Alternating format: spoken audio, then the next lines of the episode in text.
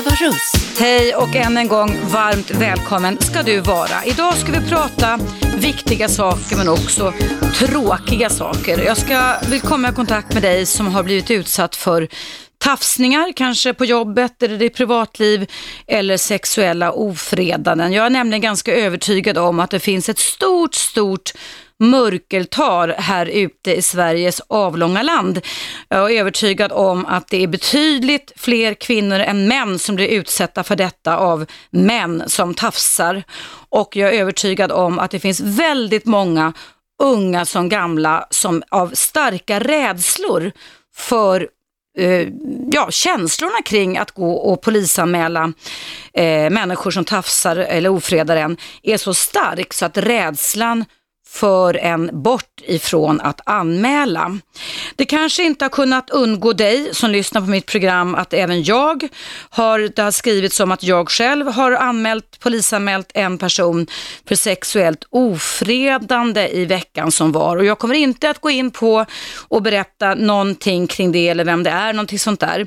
Men jag kan verkligen säga att det var, det var en lättnad när jag väl gjorde det. Det har varit svårt att leva med den eh, berättelsen inom mig. Eh, men det var också ganska omtumlande nu i veckan att eh, börja prata om det igen. Och jag tänkte vi ska backa bandet lite tillbaka för att jag har nämligen pratat om det här fallet den 22 januari i år i mitt program så hade jag besök av en jurist som heter Naite Del Sante. Hon hade då skrivit en eh, skrift eh, som var gjord för TCO som, handlade, som hette Stoppa, stoppa kränkningar och så vidare. Och det handlade då om just trakasserier och tafsanden och där sa jag så här. Tänk dig att du bjuder hem några personer som du ska göra ett arbete tillsammans med. Ni sitter några timmar och har ett som man kallar för sammanträde eller arbetsplatsmöte. Eh, resten av personerna går men en man dröjer sig kvar hemma i din bostad. Eh, så fort som de övriga deltagarna har lämnat bostaden så hoppar han på dig och stoppar in handen innanför din bh och frågar dessutom om han får suga på dina bröst. Eh, det hände mig för ungefär ett år sedan. Jag blev antastad av en ganska känd person som eh, hoppade på mig, inte bara en gång utan två gånger hemma i min egen bostad på Kungsholmen i Stockholm. Och den känslan jag fick efter det, den dröjde sig kvar ganska länge. Jag kände vanmakt, jag kände chock, jag kände äckel. Eh, jag fick lite sömnsvårigheter. Jag berättade för alla på radio, mina kollegor vet både att jag var utsatt för detta och vem det var.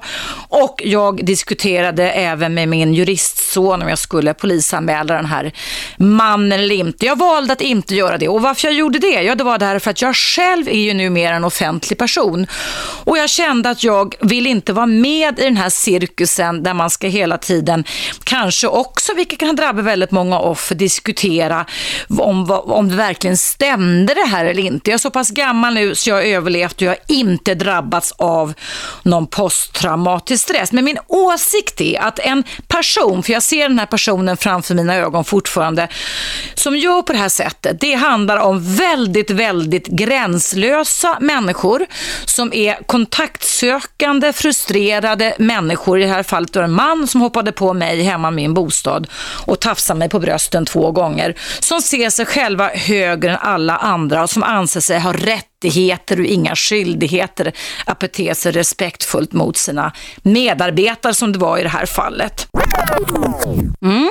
Det var då som vi pratade om. Det var jag som pratade och det var 22 januari i år, alltså 2013. Eh, nu har jag alltså av olika anledningar ändå kommit fram till att eh, det här kan inte jag leva med. Jag mår dåligt av detta och därför har jag polisanmält. Jag pratar idag om eh, att bli utsatt för tafsningar och ofredanden och Carola verkar ha varit utsatt för det. Hallå Carola, välkommen! Hej! Vad har du varit med om i, kring dagens ämne? Ja, när jag var 15 år så båt med min bästa väninna och hennes styvpappa mm. och mamma. Och eh, vi skulle vara ute över dagen och eh, Alltså en segelbåt eller motorbåt eller en, motorbåt, en mindre båt alltså? Ja. motorbåt. Mm. Vi skulle vara ute över dagen och eh, satte till Sandhamn, la till för eh, ankar där så att vi låg på svaj, alltså ingen landkontakt. Mm. Och då så stod han och blandade till en drink till sig och en, en vän som han hade med på båten, då, en annan manlig vän. Kompisens pappa alltså? Ja. Ja, precis. Ja, och eh, då så, så när han blandade till den här drinken så gjorde han den av mjölk. Och vi satt att vi såg ner i köket, det var en sån här otroligt stor lyxig motorbåt. Mm. Och jag sitter längst ut på en soffa och då kommer han, när han kommer upp med den här mjölkdrinken så kommenterar jag då att jaha, jag visste inte att man kunde göra drinkar utan mjölk. Det trodde jag frukost. Mm. Lite sådär spydigt som en Mm. tonåring gör då. Mm.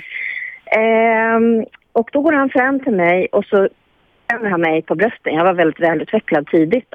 Han klämde dig på brösten, sa du så? Ja. Ja, precis mitt framför min kompis då.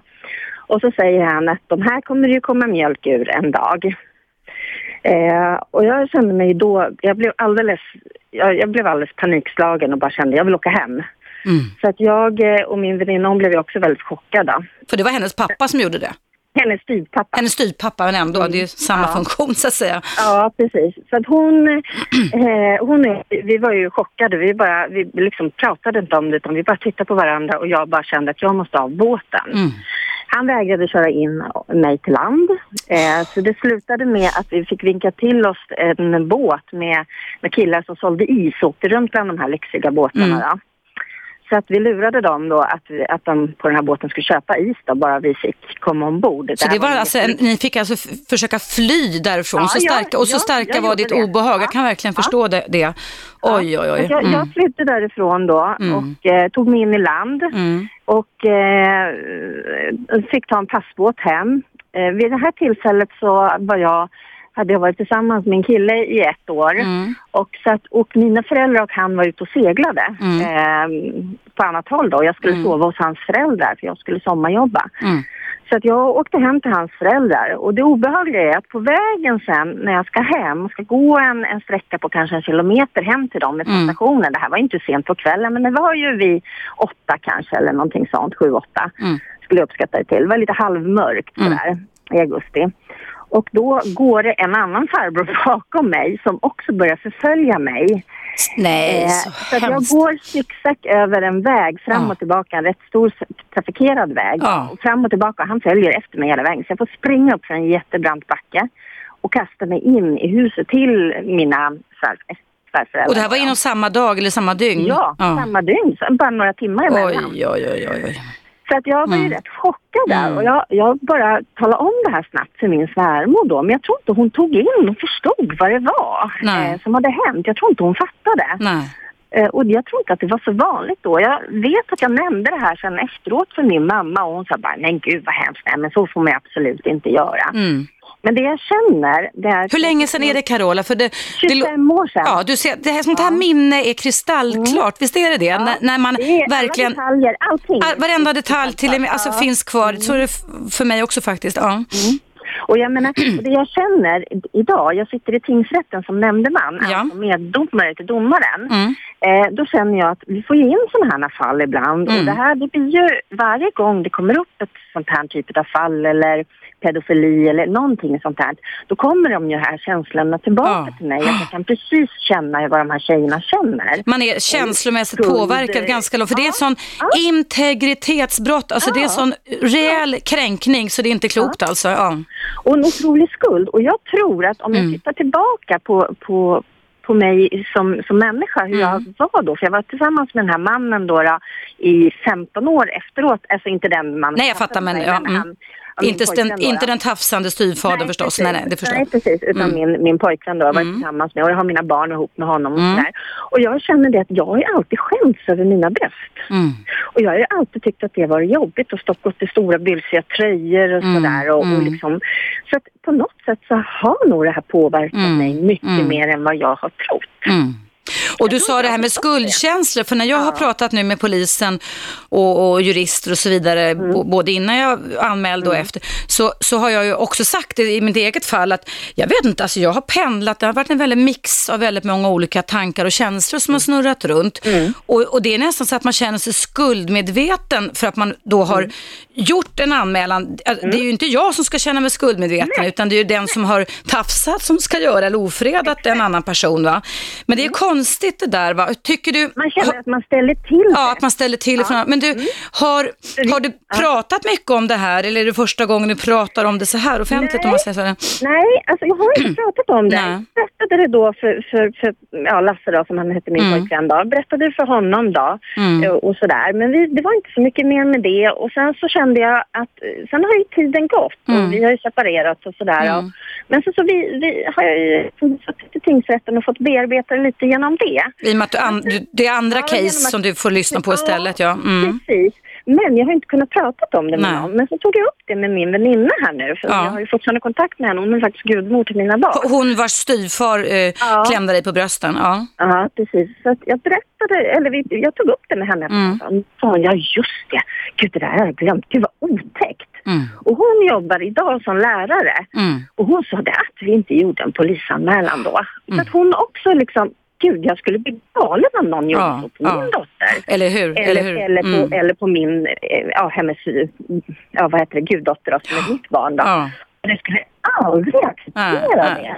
Men du, undvek du sen att komma nära den här tafsande eh, eller sexuellt ofredande var det när man klämmer en, en 16-åring på brösten. Gick du aldrig hem till dem igen då efter det här? Nej. Nej. De bodde i och för sig inte så att jag träffade dem så ofta. Jag träffade dem bara en gång om året när de var ute på sjön. Mm. Då. Mm. Så att jag vet inte. Mamman och den här styvpappan gjorde slut och jag vet inte om det var i samband med det men jag kan ha träffat Mm. honom bara någon Mm. enstaka Ja, ja. gång Mm. efter det här. Men jag hade aldrig satt mig på båten tillsammans. Jag hade aldrig Nej. hem till honom Nej. igen.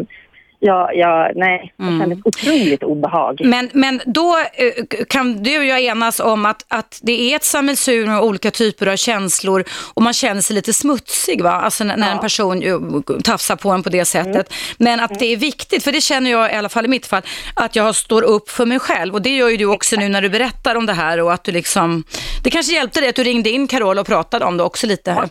Ja. Vi, vi, vi delar samma upplevelse. Ja. Att berätta. Och Ja, jag tycker det. Så vi ska be, det är många som ringer här nu och vi ska ta en liten paus Carola nu, men du kan väl stanna kvar och lyssna om du har möjlighet så får vi höra andra fall Jag har också. ner app. Ja, vad fint. Tack för, att du, tack för att du ringde in Carola och vågade berätta. Tack ska du ha. Hej då. Ja, Hej. Hej. Hörrni, vi ska ta en liten paus. Idag pratar jag om, och vill prata med dig, precis som jag pratade med Carola här, om du har blivit utsatt för tafsande människor och eh, även blivit sexuellt ofredad. Maria väntar här efter pausen. Det står på min display här att hon har blivit antastad av sin läkare. Oj, oj, oj säger jag. Ring in vet jag, du kan vara anonym. Jag vill få upp alla mörkertal till dessa hemska eh, handlingar som eh, framför allt är jag övertygad om vi kvinnor blir utsatta för. 0200 11 12 13 och du kan ringa nu.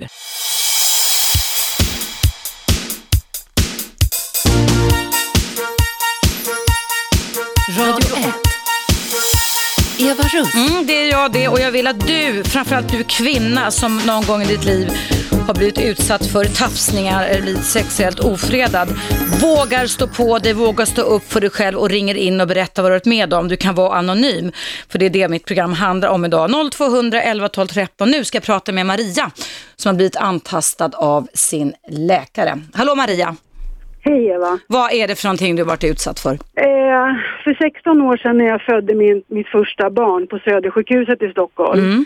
så skulle en läkare då, en manlig gynekolog eller ja, han skulle sätta en, eh, eh, en smärtlindring på mig så jag satt som i gynekologställning. Ja, Och när jag då gör det, min man han står bakom mig och klappar mig lite på huvudet. Och när han sätter de här bedövningarna på mig, då tar han sin tumme och smeker mig på klitoris. nej, Ja, och det var så, alltså det var så fruktansvärt. Så att jag, där ligger jag i min lyckligaste stund och ska föda mitt och du har verkar också en bebis i magen. Ja, ja. Alltså jag ligger där, jag är utsatt och han tittar mig rätt i ögonen när han smeker mig. Och min man står bakom och det kändes som att det här händer Så inte. Ohyggligt, så fruktansvärt. Alltså det var jättefruktansvärt. Det tog jättelång tid innan jag vågade. Du har inte prata. anmält honom då eller? Jag vågade inte. Alltså, Mm. det, det, alltså jag fick mitt barn och sen vågade jag inte säga någonting till honom heller Mm. i den här stunden. Jag vågade inte ens tala om för min man. Därför tänk om han gör någonting och inte hjälper mig när jag ska föda mitt Ja. barn. Man blir ju rädd då. Ja. Fy så inte hyggligt. anmält. Nej.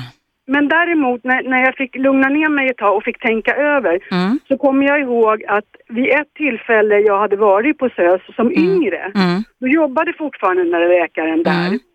Eller han jobbade där då. Och då kommer jag ihåg att jag träffat honom förut. För när jag var på en gynekologundersökning och åkte in eh, för någonting som var akut, jag kommer inte ihåg vad det var idag. Mm. Mm. Då, när han, det här är ingen fara lilla gumman, säger han och smeker mig på benen. Och likadant där, där ligger jag kanske som 18-19-åring och, och, han, och han gör så här mot mig. Och man vågar liksom inte stå upp för sig, för man, det är som att det nästan inte händer. Nej, det är det som är så, det, det är som du säger, du hörde Carola ringde in också, att Mm. det är som en film, för du har ju också glasklara minnen av denna och ytterst kränkande behandling i en jätteutlämnad situation, att man ska Ja. föda barn, eller hur? Det var fruktansvärt. Mm. Jättefruktansvärt. Det är synd att det har gått så många år. Det är ju fem års, har jag lärt mig nu, preskriptionstid. Och vad jag har lärt mig också att det är ganska vanligt att man oftast inte anmäler direkt, för, man, för hjärnan måste liksom bearbeta vad man har varit med om först innan man vet. Och att det finns mycket rädsla i att, att det kan hända någonting om man vågar stå upp för sig själv och an, anmäla. Va? Ja, Men den, en sån där läkare ska ju bli stoppad, alltså det är ju, Jag vet, och fy är vad hemskt. jag har en sjuksköterska, en kompis som som är syrra då på Mm, SÖS. mm. Och, och jag, jag pratade här med henne för några år sedan. Och berättade det här. Han- Mm. Ja, och han jobbar fortfarande kvar den där läkaren. Och de har hört sådana här stories som honom. Jag vet inte om han har blivit anmäld. Men jag vet att han jobbar kvar. Ja. Så att jag vet att det är andra tjejer som förmodligen blir utsatta för den här läkaren. Jag tror att det är så Maria, även med den personen jag anmälde. Jag tror, jag tror att det är ett mön, kan vara så att det är ett mönster i beteenden som man, alltså typ en anmälan kan stoppa eller försöka få en person att haja att nu får du sluta med det här va. Ja, jag tror inte att det är en enskild händelse som jag drabbas av på något, det tror jag faktiskt inte. Men det, det, det är ju ytterst äckligt, alltså det du beskriver ibland nog, ja det var stackars stackars dig alltså, något Det så var gruvligt alltså. Ja, det var jättejobbigt. I all den här glädjen så gjorde han det så smutsigt. Åh, och liksom han tittar dig i ögonen va? I ögonen Ja. han masserade mig mellan benen. Alltså det var Äh. fruktansvärt. Och säkert så på ett så subtilt sätt så det man som stod uppe vid huvudet på det såg ju Han inte det såg förstås. inte. Nej. Nej, han såg ju För man lutar lite när man ligger i en gynek- i, ja, gamla tidens gynekologskor. Ja, precis. Mm. Oj, oj, oj. Ja, och Men, sen är det så här, ska man bli tro, är det någon som tror en? Ja. Det är ju sådana Ja, saker ja, också. ja. Nu är jag ju mycket Ja, du- idag. vad sa du? Nu är jag mycket äldre idag. Nu, nu bekommer det mig inte. Men Nej. det har varit, det är ingenting som har, alltså att det har satt sig spår i mig så, men det var en jobbig period. Hur länge tyckte du att det var jobbigt för dig att gå och bära på det här minnet, den här kränkningen? säkert ett år i alla fall. Ja. Säkert ett år. ja, och det blir som att det är ett levande minne inom dig på något sätt, eller hur? Man kommer ihåg det kristallklart på något sätt liksom. Ja, nu har jag inte tänkt på det på många, många år. Men när du tog upp det här ämnet idag, nu tänkte jag att nu ska jag fan ringa och berätta Bra, det det är kanske- jättebra. För det kanske är, tjejer som lyssnar på det här just nu Mm. som har blivit utsatt kanske för några dagar sedan eller för några månader sedan eller några år sedan utav den här läkaren Mm. på Hur Södersjukhuset. gammal skulle, kan han vara idag tror du ungefär? Ja, vad kan han vara uppåt kanske åt 60-årsåldern? Okej, okej. Ja, då kan, kanske han inte gått i pensionen. Nej, för ett år sedan jobbade han i alla fall Ja. kvar. Ja, då ska vi, det är jättebra att du säger det här, för sånt här ska upp och vi kan också säga till alla yngre tjejer att stå upp för dig själv. Det är jätte, jätteviktigt. Våga Jag gör anmäl. en anmälan Mm. direkt. Jag gick ju valet och kvalet. Ska jag göra det här? Ska jag inte göra det här? Mm. Och, och nu idag med den erfarenheten jag har, jag skulle Mm. fan ha smält dit han. Alltså, vad hade jag varit rädd för egentligen? Men det var så mycket blandade känslor just med när man föder barn. Ja, ja, men herregud, det, är ju en specie- det finns väl ingen mer speciell Nej. situation. Alltså, hur ska man kunna orka anmäla då när man samtidigt ska krysta ut en Ja. liten bebis? Precis. Eh, Och sen måste man ju ta hand om det nyfödda barnet, så att, nej, men det är ju inte klokt. Men vilket äckel, rent ut sagt. Vilket Ja. äckel att göra Ja, så faktiskt. i en vit läkarrock. Det, Det är bra att det kommer upp. Det är bra att det kommer upp. Tack för ett bra Hoppas du känner dig lättad. Fortsätt gärna lyssna om Ja, du orkar kring jag. detta. Ja, vad bra. Stor kram till dig Maria. Tack för att du berättade. Hej då. Tack, Hej, hej.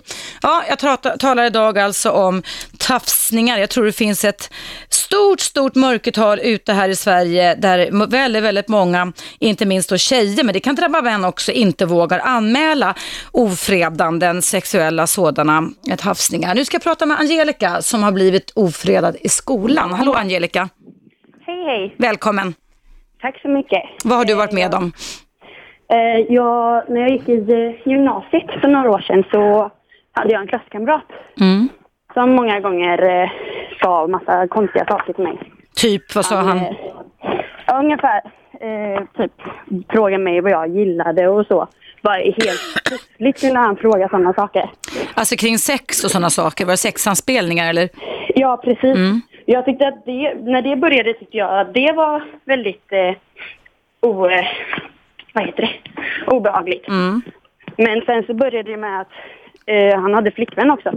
Så en dag så sa han så här att ja, min flickvän gillar i alla fall när jag stryper henne i sängen. Och så tryckte han upp mig mot eh, väggen i stryptag. I skolan? Halsen, ja. Oj, oj, oj. Och så en dag då så fick jag nog av detta. Vad sa du, en dag så? Jag fick ju ganska nog av detta så jag, Ja. vad heter det, en dag så i matsalen. Så jag kommer inte riktigt ihåg vad han sa. Men så eh, la jag någon spydig kommentar tillbaka och då tryckte han upp smör i näsan på mig. Oj. Och då sparkade jag ner han på golvet. Mm. Ja. Du, hade ur, ur, du fick plötsligt urkrafter låter det som Angelica. ja, jag blev ju jätteförbannad. Mm. Vad hände sen då? Ja, det hände inte. Jag fick lärarna och de Vad sa du, du fick? förstod mig men det blev inte mer med det. Han, han, men slutade, slutade han med sina beteenden mot dig sen då? Ja, han pratade med mig på flera veckor. Ja. Men till slut så hade lärarna då sagt till honom att han skulle gå och säga förlåt. Så det var det han gjorde. Men sen dess har han liksom inte gjort någonting. Så han tvingades av läraren att gå och be dig om förlåtelse? Vad sa du? Tvingades han av läraren att gå och be dig om förlåtelse? Ja, men de visste inte riktigt vad som hade hänt för jag har aldrig berättat det att han har... Okej. eh, Var, var, nu, då, hur gammal är du nu, Angelica? 21. Så det här hände för tre, fyra, någonting sånt, två, tre, fyra år sedan. Va, va, varför har du inte, vad, tro, vad tror du det är inom dig som har gjort att du har haft en spärr mot att berätta det här? Jag vet inte riktigt. Mm. Faktiskt. Det har varit jobbigt. Mm. Men jag har tänkt på det så mycket på samma gång. Men det är klart, nu när du tog upp det så tänkte jag på det. Tänkte då måste jag ju ringa in. Det är jättebra och det tycker jag vi ska göra. Vi ska göra någonting vettigt av de obehagliga upplevelser som vi har varit utsatta för. Eh, och och det, jag tror att det är bra. Jag tror att, känns det okej att du har pratat om det här nu i radion? Så? Ja, det känns rätt skönt. Bra. När du sa det så kände jag också så här, liksom, bara, varför har inte jag polisanmält det? Ja. Jag trodde inte att det var så illa. Nej, fem års preskriptionstid och eh, i mitt fall har jag fått ett eh, målsägande beträde, det kan man begära. Det är alltså en jurist som följer med mig i processen och som jag inte behöver betala pengar för, som ett stöd. Det känns väldigt bra faktiskt. Okej. Mm. Ja. Så jag tycker nog att, att, att vi ska öva oss på att stå på oss, stå upp för oss själva och våga anmäla. Cissi Wallin här som är min kollega på Radio 1, hon var ju väldigt omtalad förra året i riksmedia när hon eh, tillsammans med några väninnor sa nu, nu får det fan vara nog också med kränkningar så att säga, och gjorde en app för detta så att man skulle kunna liksom snabbt kunna gå ner och eh, anmä- våga, våga anmäla nu. Eh, hon har också en gång varit utsatt för något sånt här. Okay. Så jag tycker att det är viktigt att vi pratar om det faktiskt. Det är oerhört viktigt och det är viktigt att vi vågar berätta också. Ja, men absolut. Mm. Fortsätt gärna att lyssna, eh, Angelica. Vi ska Ja, ta en liten jag. nyhetsuppdatering. Det är jättemånga som ringer, så Ja, det stämmer nog att det är ett mörkertal kring också. tafsningar. Ja, du, fortsätt gärna att lyssna, Angelica. Tack för att du ringde in Ja, till mig och berättade. Hej så länge. Hej. Hej, hej. Hörrni, det är en nyhetsuppdatering på gång. Du lyssnar på Radio 1. Jag heter Eva Russ och dagens ämne är att du har möjlighet här att lätta på ditt inre tryck, nämligen om du har blivit utsatt för tafsningar eller sexuella ofredanden. Ring in och berätta om vad du har varit med om. Det är aldrig för sent att berätta om det och det är heller aldrig för sent att anmäla. Numret är 0200 11 12 13.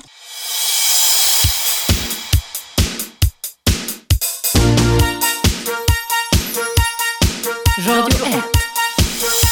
Eva Russ. Mm. Idag pratar jag med dig om du har blivit utsatt för tafsningar i skolan eller på arbetsplatsen eller i privatlivet eller blivit sexuellt ofredad. Av de inringare jag pratat med hittills så kan jag då bekräfta att de känslor som många av er berättar, det är vanmakt, chock, äckel, man känner sig smutsig och man eh, efteråt ångrar att man inte anmälde. Så jag vill komma i kontakt med dig och höra hur det känns. Vad har du haft för tankar och känslor och vad har du gjort när du blivit ofredad? Och vad har du haft för tankar och känslor och inte gjort när du blivit ofredad? Eh, 0200 11 12 13.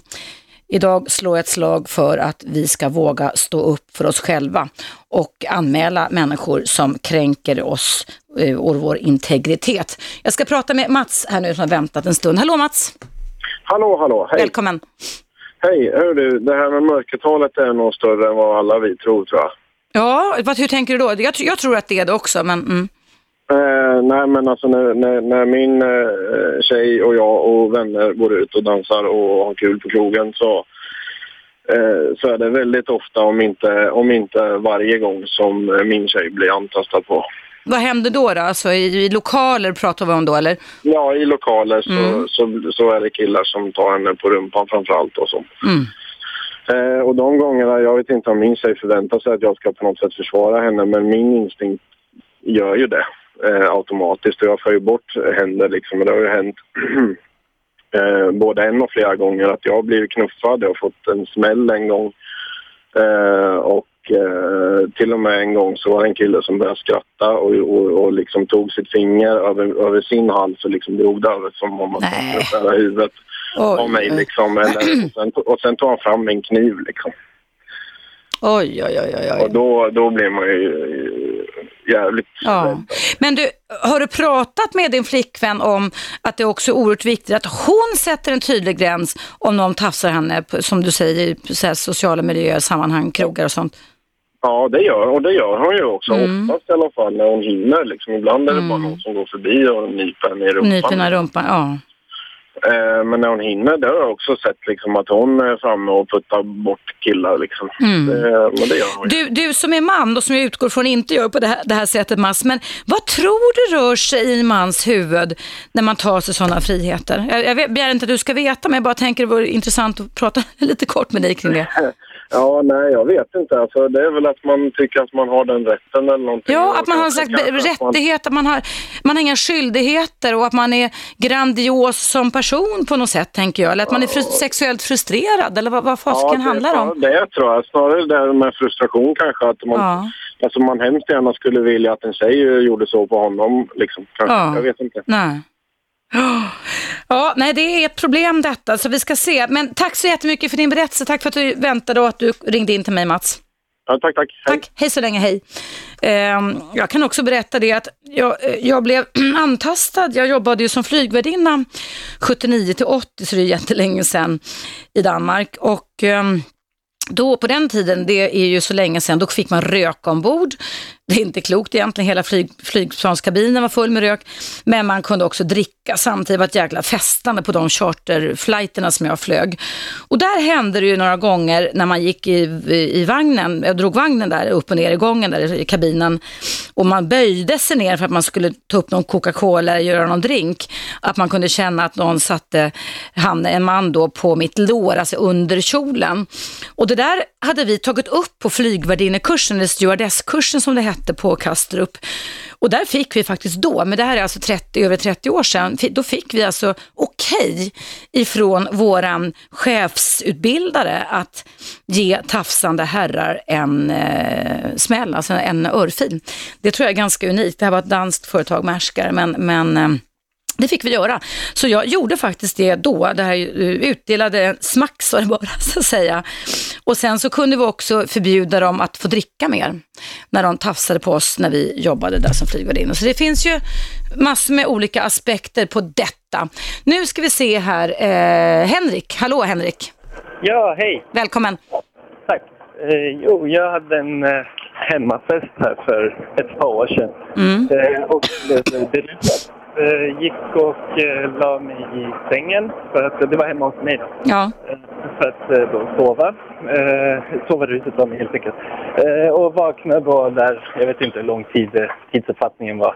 Eh, men eh, så vaknade i alla fall två tjejer har dragit av mig mina byxor och sitter och smeker på min penis. Oj, oj, oj. Och det här är någonting som du absolut inte har önskat dig eller medverkat till på något nej, sätt? Nej, nej, absolut inte. Utan jag gick där bara för att jag var full helt enkelt. Ja, ja. Vad, jo, vad gjorde du då? Hur såg dina beteenden ut då? Uh, jo, jag sa ju till dem att vad håller ni på med, sluta och typ, de satt och försökte, jo men kom igen nu och bara kom igen, försökte mm. liksom övertala mig. Mm. Men uh, till slut så de märkte att jag var så full och ointresserad. Ja. Det hände inte så mycket så till slut gav de upp det. Då. Ja. Vad har du gjort sen? Hur har dina beteenden sett ut efter detta och hur har du känt dig inombords? Uh, nej, alltså jag har väl inte... Jag är inte så personligt. Det är ingenting jag går och funderar på eller grämer mig över. Princip. Men det är väl jag som person. Jag har väldigt starkt psyke tycker jag själv, så jag kanske har mm. lättare än andra. Men, men det du beskriver är ju ett, eh, ett övergrepp. Ja, ah, jo, det vet jag. Jag har tänkt på det nu. Det var så länge jag var kanske 17-18 år när det hände. Ja. Så eh, just då så såg jag inte på det som... Nej. Faktiskt. Men nu när ni pratar om det här historien så slog det mig att vänta här nu, det har faktiskt hänt mig också. Ja. Jag inte se på det som Nej, och de tjejerna som gjorde det här på dig, har du träffat dem efteråt eller genom åren eller? Uh, ja, det har jag gjort. Mm. Har ni prat, tagit upp det eller? Uh, nej, inte direkt.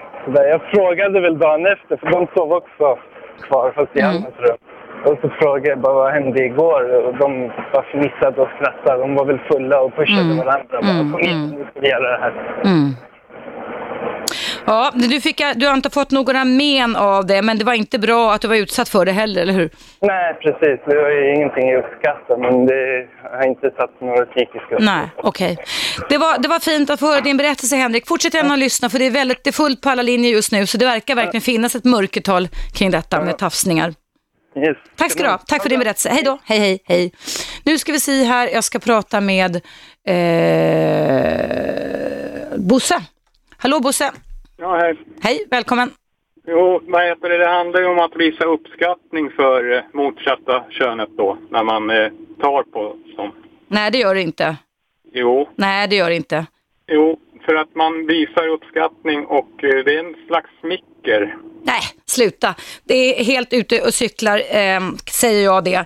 Eh, hörrni, vi går mot en liten paus, en pytteliten paus här på Radio 1.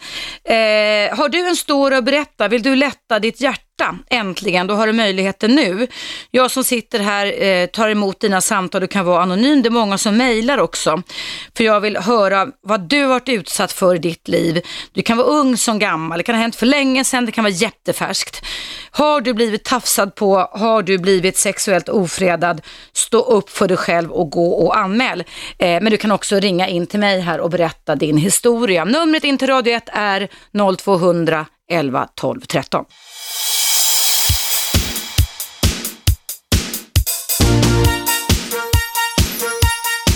Radio 1.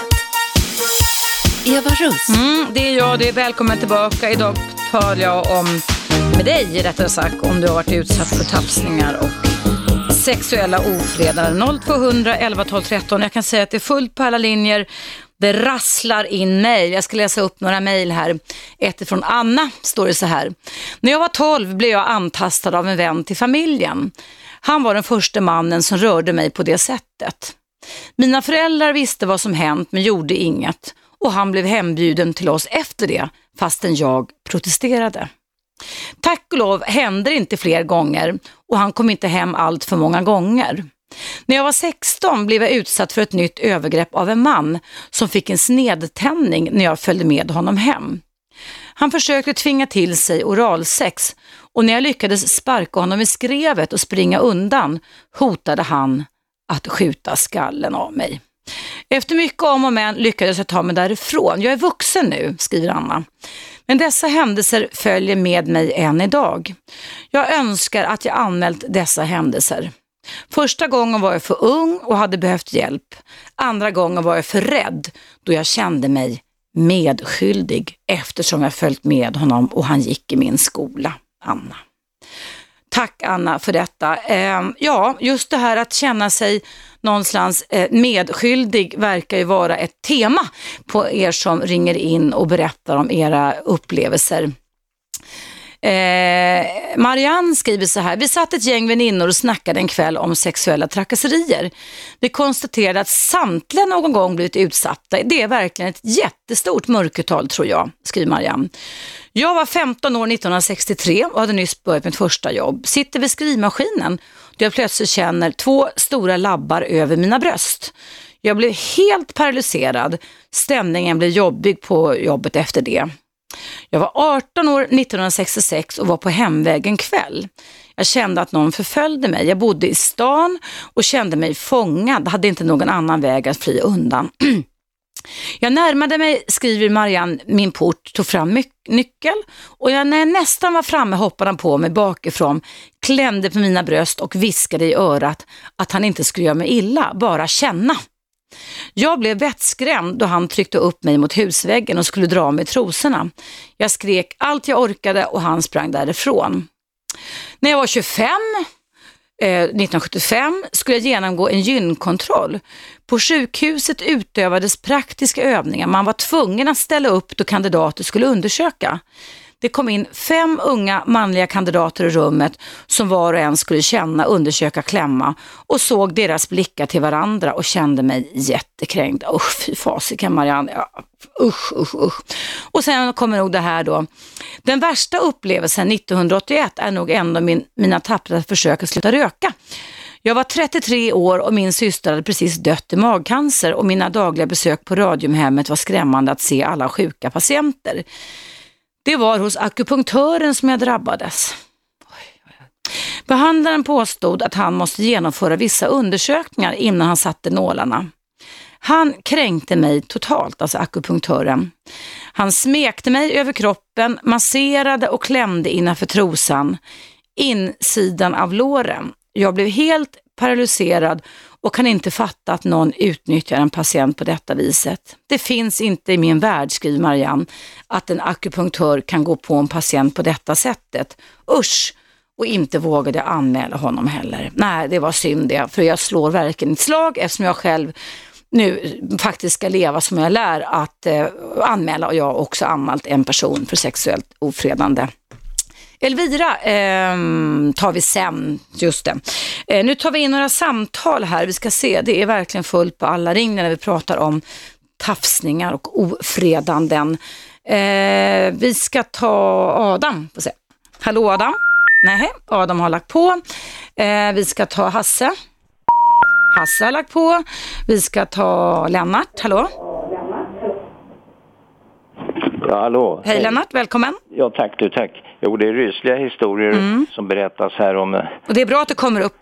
Ja, det är väldigt bra. Mm. Men att, eh, nu har man ju läst senaste tiden om massa jävla äckel så till läkare som utnyttjar småpojkar. Ja, ja. Och det var ju inte den första här, utan det hände ju också på eh, Astrid Lindgrens sjukhus här för några år sedan. Det var en pedofil som jobbade där. Och, eh, ja. Så det är vidrigt. Jo, det är att... Ja, sådana, sådana människor med sådana beteenden finns i alla yrkesgrupper och sociala ja, grupper. Visst, så det... ja, men jag säger det, men mm. särskilt det är ju väldigt kränkande när det är läkare som ska hela mm, människor. Ja, va? Visst. Det är det som jag tycker är mm. förskräckligt, alltså mm. att de inte kan hålla sina jävla fingrar i styr. Va? Mm. Men det jag blev uppbragt över idag, verkligen alltså, att vi har ju trasproletariat här i Stockholm nu, tiggare från Rumänien, va? stackars mm. som eländigt liv de lever, de sitter och tigger överallt nästan här nu. Och nu skriver DN idag en stor artikel om här att tiggare är, alltså det, kommer folk och, och, vill ha sexuella tjänster utav dem. Av tiggarna? Ja visst, mm. det stod i DN här. Det var en yes. man som berättade om att mm. han var så äcklad utav det där men att han lever en sånt armod va så att mm. han, han skulle inte göra om det där mm, igen. Mm. Och det är flera tiggare som har blivit antastade alltså att de får mm. pengar mot eh, eh, eh, sexuella erhålla sexuella tjänster va, betala oh, för det. Vet ja, vart är vi på väg? Och de här stackars människorna som sitter och tigger då va? Det, det gäller både kvinnor och män. Det är både tydligen de här torskarna, det är både heterosexuella och homosexuella som försöker utnyttja den här situationen va. För de är ju mm. en otroligt tragisk benägenhet va. Mm. Och jag tycker det är förskräckligt ja, det är det verkligen. tidningen. Oj, oj, oj. oj, oj. Mm. Alltså, går så långt att de försöker då eh, utnyttja de här människorna. Va? Deras mm. benägenhet kanske för några hundralappar då. Mm. Och eh, ja, det, det är förskräckligt alltså. Där borde polisen, nu har inte polisen resurser till det här att eh, stävja sånt här, va? för det är nästan mm, omöjligt. Va? Mm, mm. Men man blir förbannad när man, man, man läser i tidningen om det här, att det har gått mm. så långt. Va? Att mm. man Och det är förskräckligt och särskilt är det beklämmande att höra människorna som ringer in här. Det är väldigt sorgligt att, att de ska bli, bli utsatta för sånt här. Va? Eller hur? Men det, det är ja. det jag säger. Det finns helt klart ett mörkertal. Ja, visst och, är det och så. det finns mycket rädsla. Jag har själv upplevt det, eller inte upp, jag stark, men alltså att anmäla för att man någonstans pendla mellan känslor, skamsen och skuldmedveten. Fast det verkligen inte finns någon som helst anledning när man själv har blivit ofredad, för man har inte bett om det, utan det är ju Nej, ofredaren som ska är... ha mass, mängder med skuld och skamkänslor. Men det är konstigt ja, hur känslor finns eh, representerade kring detta. Jo, du, jag, jag, mm. jag, har ju sett det där en gång. Jag kan ju berätta, jag kan mm. avsluta med att berätta att jag var motionssimmare då, va? Mm. Så gick in i bastun då. Och då plötsligt kommer det inspringande några vakter, va? Mm. På ett bad här i Stockholm mm. Och tar tag i en kille och lyfter ut honom. Ja, då frågar jag vad det är som sker här. Att mm. Då tydligen hade han ofredat de här småbarnen, en sån här barnbassäng, va, mm. håller på att tafsa på dem. Så att det finns ju överallt det där tyvärr. Va? Ja. Men det där, folk kan ju läsa den här artikeln i Dagens Nyheter. Mm. Vi ska kolla, jag ska kolla upp det på pausen också. Ja. Den, för jag tycker mm. det är intressant, va? men det är otäckt alltså. Ja. Tack ska du ha. Tack snälla, hej då, hej, hej. Hörrni, det är många som mejlar in. Nu ska jag läsa upp ett mejl ifrån en anonym tjej. Eh, det här hände för två och ett halvt år sedan. Hon skriver så här eftersom ämnet är eh, tafsningar och sexuella ofredanden då, att hon känner sig otroligt smutsig. Så här står det då, det hände för två och ett halvt år sedan. Hon och hennes dåvarande bästa kompis och bästa kompisens pojkvän hade party och var ute och festade och sen skulle alla tre sova över i pojkvännens bostad. Eh, de var ganska överförfriskade när de gick hem till honom och alla tre la sig i hans säng. Hon ville sova, men så säger hon då att det hade inte han, alltså bästisens pojkvän, några planer på. Utan uppenbarligen var det så att bästisens pojkvän eh, var inställd på trekant. Så han kysste sin flickvän, alltså bästisen, tafsade på henne innanför hennes trosor och innanför hennes tröja. Och då skriver hon så här, jag vill inte skapa dålig stämning, så jag sa nej på ett mer skämtsamt sätt. Men det hade han inte några planer, eh, nej vad säger eh, på ett skämtsamt sätt. Eh, men bejakade inte alls detta beteende, ändå fortsatte det. Han, alltså bästisens pojkvän, började ha sex med henne och sen hade han sex med mig. Jag vågade inte säga till på skarpen, vilket känns så himla fånigt och dumt nu i efterhand. Efter den här händelsen står vi inte alls lika nära varandra, tvärtom, vi umgås knappt. Jag tycker det är otroligt jobbigt att träffa hennes pojkvän. Ja, de är fortfarande tillsammans, så jag undviker det i allra högsta grad. Jag vet inte hur jag ska göra. Det var ju ändå så länge sedan och jag vill inte få en dålig relation till min vän.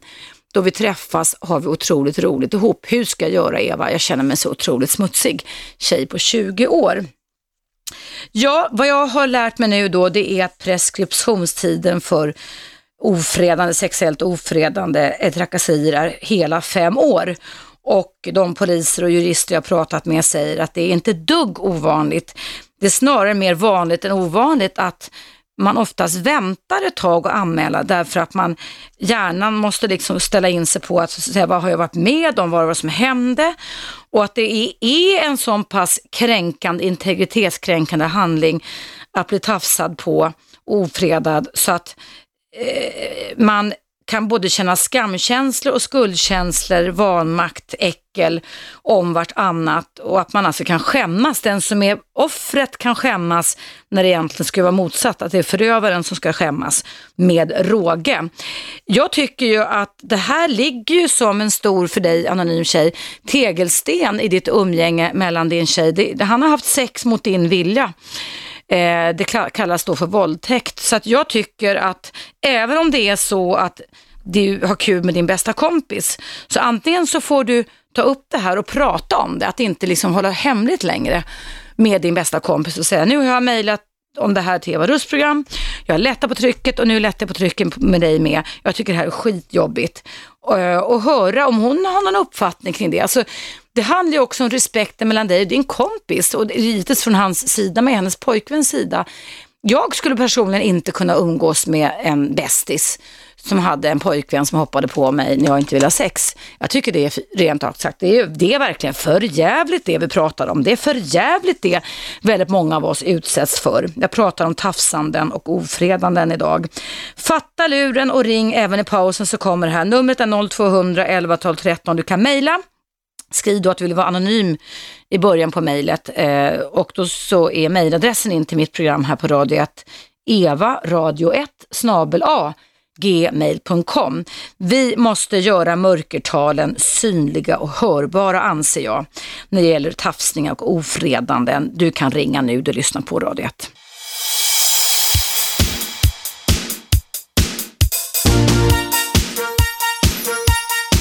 Radio 1. Eva mm, Det är jag det och idag tar jag upp ett väldigt, väldigt viktigt ämne, nämligen uh, att jag är övertygad om att du som lyssnar går och bär på din upplevelse, din historia efter att ha blivit utsatt för tafsningar någon gång i livet eller sexuellt ofredande. Jag är övertygad om att mörkertalet är jättestort och det är jättemånga som ringer och det är jättemånga mejl som rasslar in och du vet att du kan vara anonym. Nu ska jag prata med Emma eh, som har blivit utsatt. Hallå Emma! Emma har lagt på. Då ska jag prata med Kiki istället. Hallå? Ja, hallå, hej. Välkommen. Hej, jag heter Kiki. Mm. Det är så att jag kom på en sak nu när du pratade om det med sexuella kränkningar. Jag var barn, jag var typ mellan 12 13 år. Mm. Jag satt på en biosalong på Kungsgatan. Mm. Och eh, sen i slutet av filmen så kände jag att det var någon som tog min hand och la på något varmt. Och jag fattade inte då vad det var, för jag var ju barn, jag var typ 12 års åldern. Ja, ja. Och jag bara kände så här, och först, jag tänkte inte så mycket, jag trodde kanske att det var min mamma eller min syster som satt bredvid mig. Mm. Men sen när det tändes upp i, i salongen så var det en man som rusade iväg. Jag kommer ihåg han var mörkklädd och bara rusade iväg. Mm. Alltså jag, det var så äckligt att jag visste att han hade, att jag, min hand hade legat på hans könsorgan. Mm. Ja, jag kände det äckligt. Jag var, kom på det nu när du... Mm. Hur länge sedan är detta, detta drabbade dig? Ja, alltså jag var 12-13 år och nu är jag typ ja, 50-årsåldern. Ja. Men när du berättar om det just nu, ja. känner du de här äckelkänslorna tillbaka igen? Alltså att man ja. slungas in? För det är så jag själv har upplevt och många andra, att man, sådana här minnen etsas in liksom. Ja. Alltså, de, finns, man, de finns kvar inom en på något sätt. Ja. Jag kommer ihåg att det var en varm känsla liksom. Att det. Och jag bara kände, det kändes som en, ja, typ en varmkorv. Det kändes så äckligt. Jag kom på det där nu när du mm. pratade om det. Vågade du berätta det för din ja, mamma och syster också? Jag, jag berättade det för, för, min mamma och, och, hon sa väl inte så mycket om det då, för det var ju så många år sedan. Men ja. i alla fall, det var jag, jag, kom på det, fy vad äckligt alltså. Ja, det är verkligen äckligt och det är äckligt, äckliga känslan kan sitta ja. kvar länge. Ja. ja. Ja. Usch vad hemskt. Ja men det var bra att du berättade för mig också här tycker jag. Det, vi, tillsammans blir vi starkare när vi vågar stå upp för och berätta vad vi varit utsatta för. Ja, Mm. Verkligen. Stackars dig. Tack för att du ringde in och tack för att du mm. lyssnade Kiki. Hej då. Tack, hej. Hej, hej. Eh, här har jag fått ett mejl ifrån en kvinna som vill vara anonym. Hon skriver så här, utnyttjad av känd man, författare. Hej Eva, på 80-talet när jag var i 20-årsåldern var jag väldigt intresserad av sexualitetens mysterier och metoder. Jag hittade en bok om kärlekens tau, den tror jag faktiskt jag känner till som kom då. Och jag blev fascinerad av och pratade mycket om och ville utforska. Jag hade då en relation med en kille i ett annat land och fick för mig att vi ska försöka få tag i boken på hans språk. I den utforskningen upptäckte jag att författaren bodde i Stockholm och så, då skrev jag till honom och frågade om bok, boken fanns på andra språk. Och då ringde han upp mig och bjöd, bjöd hem mig för att jag skulle få köpa boken och prata om den.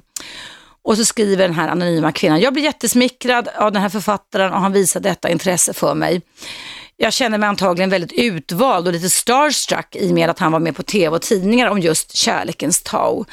Jag åkte hem till honom och som jag minns det så var han en Eh, var hans lägenhet proppfull med möbler staplade på varandra och man kunde bara gå i smala gångar in i hans sovrum, arbetsrum med madrasser på golvet. Jag tänkte inte så mycket på det. Han var ju inte svensk, det var säkert något han var van vid från sitt hemland tänkte jag.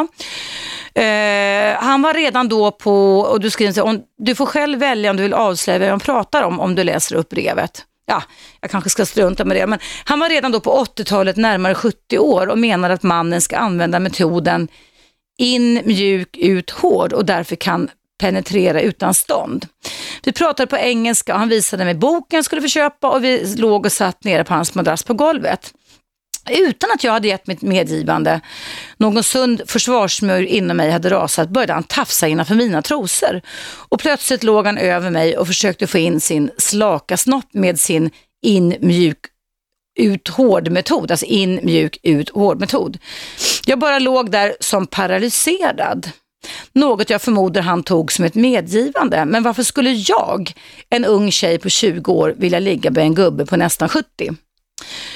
Eh, jag förträngde det hela och berättade inte för någon, inte än idag. Det var så pinsamt att jag hade låtit detta ske med en gammal gubbe. Idag, skriver den eh, anonyma tjejen då, så känns det overkligt att jag var så vek. Men i och med hans position som lite känd och på så vis att jag var ett fan så använde han ju sin specialitet inom det sexuella som metod att bete sig så här. Han berättade om flera episoder med andra tjejer så jag tror att han använde sitt kändisskap för att förföra unga tjejer. Allt hans prat om fantastiskt sex visade sig ju inte vara sant, inte med honom i alla fall.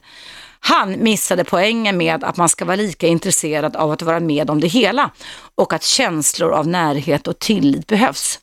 Jag fortsatte att ha lite kontakt med honom i några år per telefon. Han ringde då och då, men jag åkte aldrig hem till honom igen ensam. Så min skam över det som inträffat var större mm, än min känsla av att ha gjort ett övergrepp på mig så knäppt. Nu repeterar jag det här som du skrev, anonym kvinna. Min skam, skriver du, över det som inträffat var större än min känsla av att han gjort ett övergrepp på mig så knäppt. Tack så jättemycket för ditt mejl. Det är så jag har uppfattat att många faktiskt kan uppleva detta och det är ju verkligen inte klokt.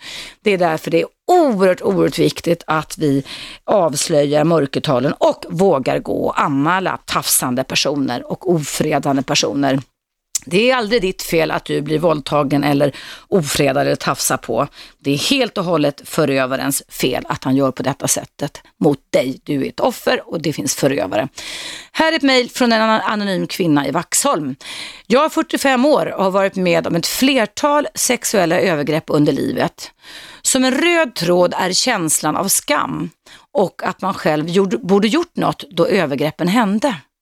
Det är ju lättare att känna att det är ett övergrepp då en främmande man på gatan kastar sig över en.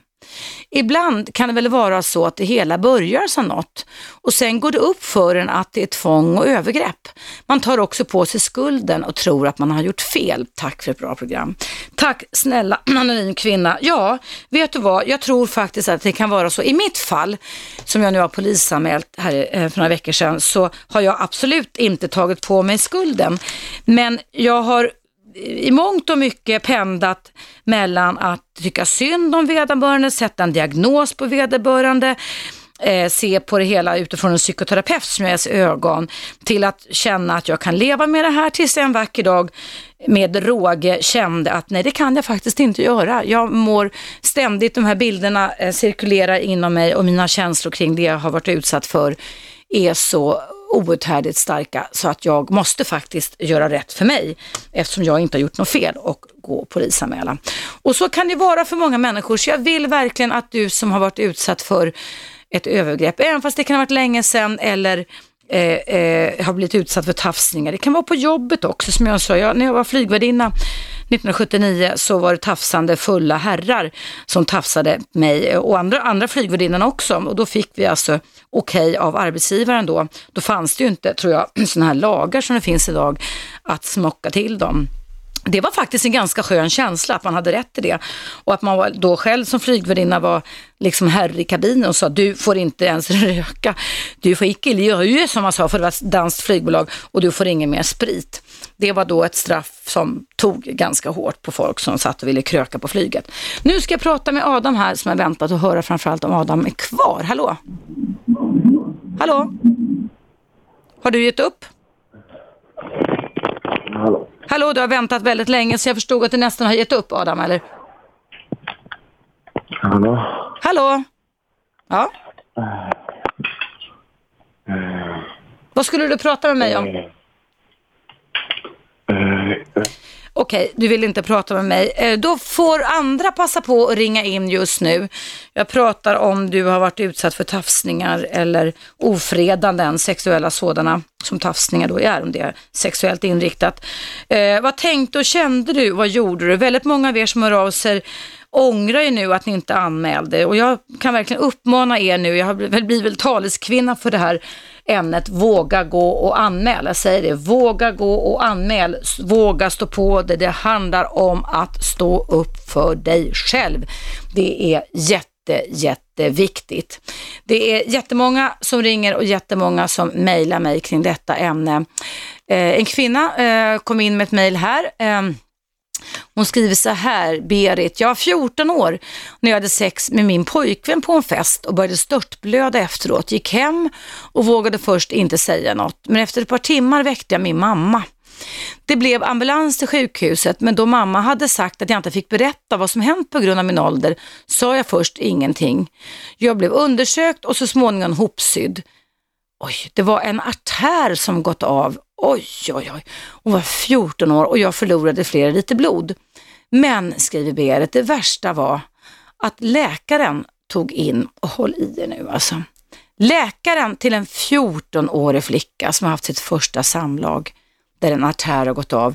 Läkaren tog in fem stycken läkarkandidater som stod runt omkring mig och detta kändes enormt förnedrande. Året var 1965. Jag får tårar i ögonen när jag hör detta Berit.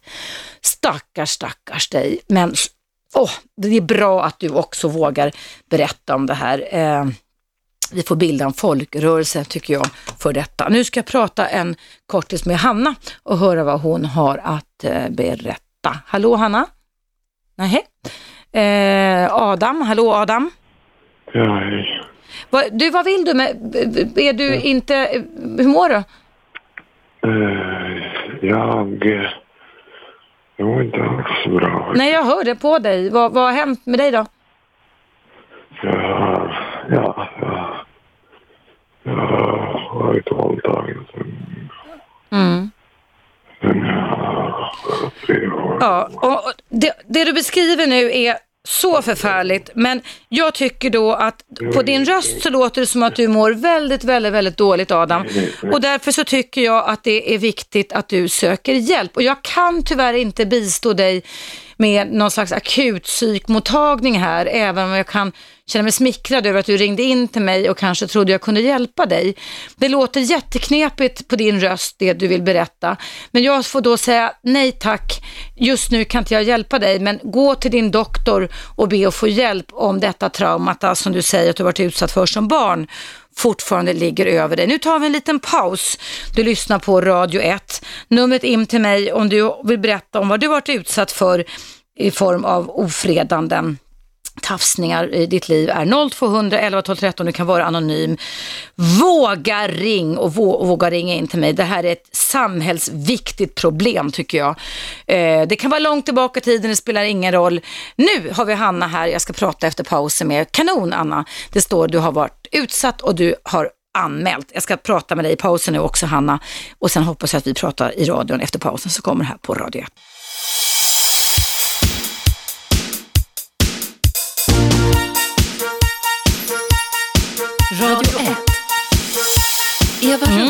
Jag verkligen på krigsstigen och jag vädjar till alla er kvinnor, inte minst, det kan finnas män också, men jag tror att det är ett mörkertal kring vad vi kvinnor utsätts för av tafsande och ofredande män. Hanna har minsann varit med om det här också och ska berätta sin historia nu. Välkommen Hanna.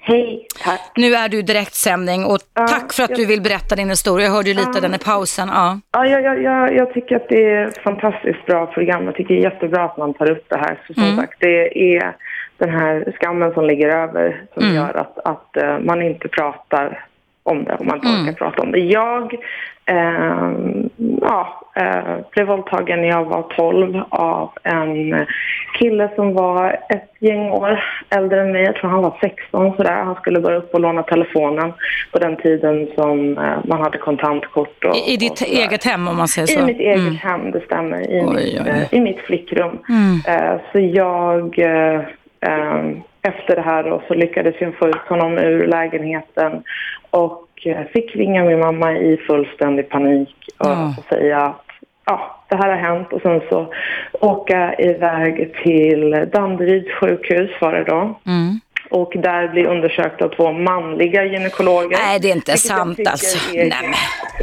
kan de inte tänka, och det här är, du låter inte jättegammal så det här är lite nut, modern tid kan man säga eller? Eh, ja, precis. Det här, när kan det här ha, ha varit då? Det var ja, runt, runt två ja, 2001 typ. Ja.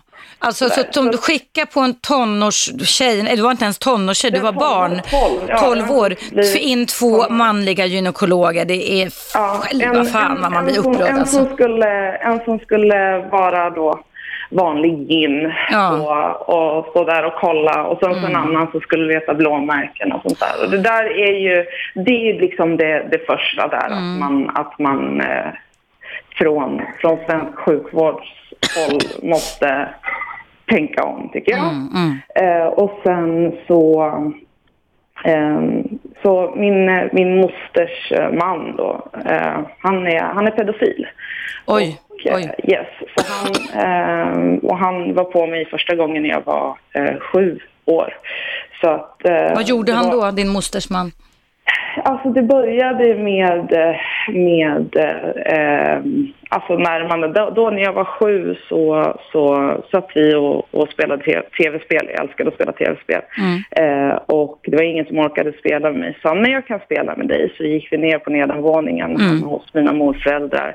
Och eh, där så bad han mig sitta i hans knä och Eh, började ta på mig och kyssa mig och frågade om jag någonsin hade kysst en kille förut. Och du var sju år gammal. Och då var jag sju år gammal. Jag, jag, får, jag får ståpäls på mina armar kan jag säga. Ja. Oh, vad hemskt. Oh, vad hemskt. Ja, det, var, det var där mm. det började. Och sen så, liksom så, eh, så fortsatte det här och det var telefonsamtal när jag kom upp mm. och ble, blev liksom ännu äldre och sen det här när det, är, när det rör sig om familjemedlemmar ja. och att eh, man, man känner, jag kände, jag ska inte prata för andra jag ska prata utifrån hur mm. jag upplevde det. Mm. Jag kände att eh, jag vill inte förstöra Nej, du, du ser du, den här skuldkänslan att om jag erkänner, om jag anmäler så sabbar jag något. Ja. Precis, mm. och så, så, kände jag så här eh, och resonerade så redan när jag blev sådär, ja men du vet 12-13 mm. år där mm. att jag hade an, ja, varit med om den våldtäkten då. Mm. Så resonerade jag så att ja, men så länge det bara är jag som lider av det här, då kan jag, jag kan bära det här ordet. Mm. Jag kan mm. göra det. Mm. Jag tar det här för min, min familjs skull och sen så ehm, med en ofredande mosterns man alltså? Ja. Precis. Eh, men sen... Så, min, så blev min, min moster blev gravid mm. eh, och fick två döttrar. Mm. Och eh, då kände jag att, att eh, jag vill inte att de ska behöva bli utsatta för det här som jag har blivit utsatt för. Mm. Eh, och det handlar inte längre bara om, om mig, mm. det handlar om deras framtid. Och jag vill inte vara en bidragande faktor i att... Mm. att Så det var den tafsande, ofredande mosterns man som var pappa till döttrarna också? Precis, ja. stämmer. Eh, så att jag eh, jag, eh, då gick jag till, till BUP mm. uh, och så pratade jag med någon och uh, så um, ja, tog de in min, min mamma och hennes kille och mm. så fick jag berätta det här då, då. Och sen så var det bara att berätta för ja, resten av familjen. Mm. Mormor och, och morfar och, och liksom moster och mm. allting. Eh, och det slutar ju med att, eh, ja, det blir ju liksom som sagt polisanmälan och, och allt sånt där. Men det händer ju absolut ingenting. Men eh, gick, och, vem, vem, följde med dig? Du var ju inte myndig då heller om du gick till BUP antar jag. Eller, hur gammal var du när du anmälde? Polisanmälde? 17. 17. Och det var pågått i tio år. Ja, just det. Och Eh, vem följde med dig till polisen? Eh, det var min mamma som mm. gjorde det. Så det upprättades en polisanmälan och du fick träffa kanske en kvinnlig polis då, eller? Manlig. Där också? Jajamän. Och, och sen då, så när du väl hade gjort polisanmälan, kändes det bättre för dig, om vi bara går på dig först, då kändes det bättre för dig när du hade gjort polisanmälan? Um, nej, alltså för att, alltså på så sätt att jag känner att nu gör jag allt jag kan. Mm. Jag kan inte göra mer än allt mm. jag kan. Mm. Eh, på det sättet så kändes det ju bättre. Mm. Men efter min våldtäkt där när jag var när jag var ja, 12 mm. så, så kände inte jag, jag hade inte särskilt stort förtroende för mm. polisväsendet då.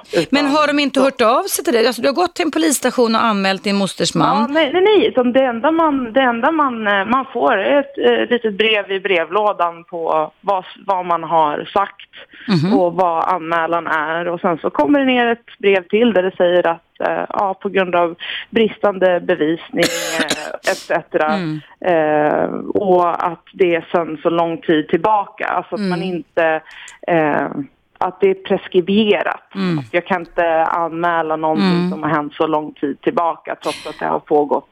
Ja. Men du, hur, hur hanterades detta inom familjen då? Att du ändå hade sånt mod och kurage att anmäla din morbror egentligen, skulle man kunna kalla det för, fast det är inte din ja, morbror, eller hur? Ingifta, ingifta. Ja, ingifta. Hur, hur, ja, mina, har det påverkat mina, familjen? Min, eh, min morfar sa att jag hade förstört hans sista år vid liv, att jag hade kunnat låta honom dö eh, lycklig. Att det här var väl inte så farligt. Eh, och min eh, moster eh, trodde ju, ville inte tro ett ord av det jag sa. Mm. Eh, och eh, ja, så jag, jag, eh, jag blir bestraffad dubbelt helt enkelt. Har du, har du, har du brutit med släkten då eller vad, vad har hänt? Ja, mer, mer eller mindre.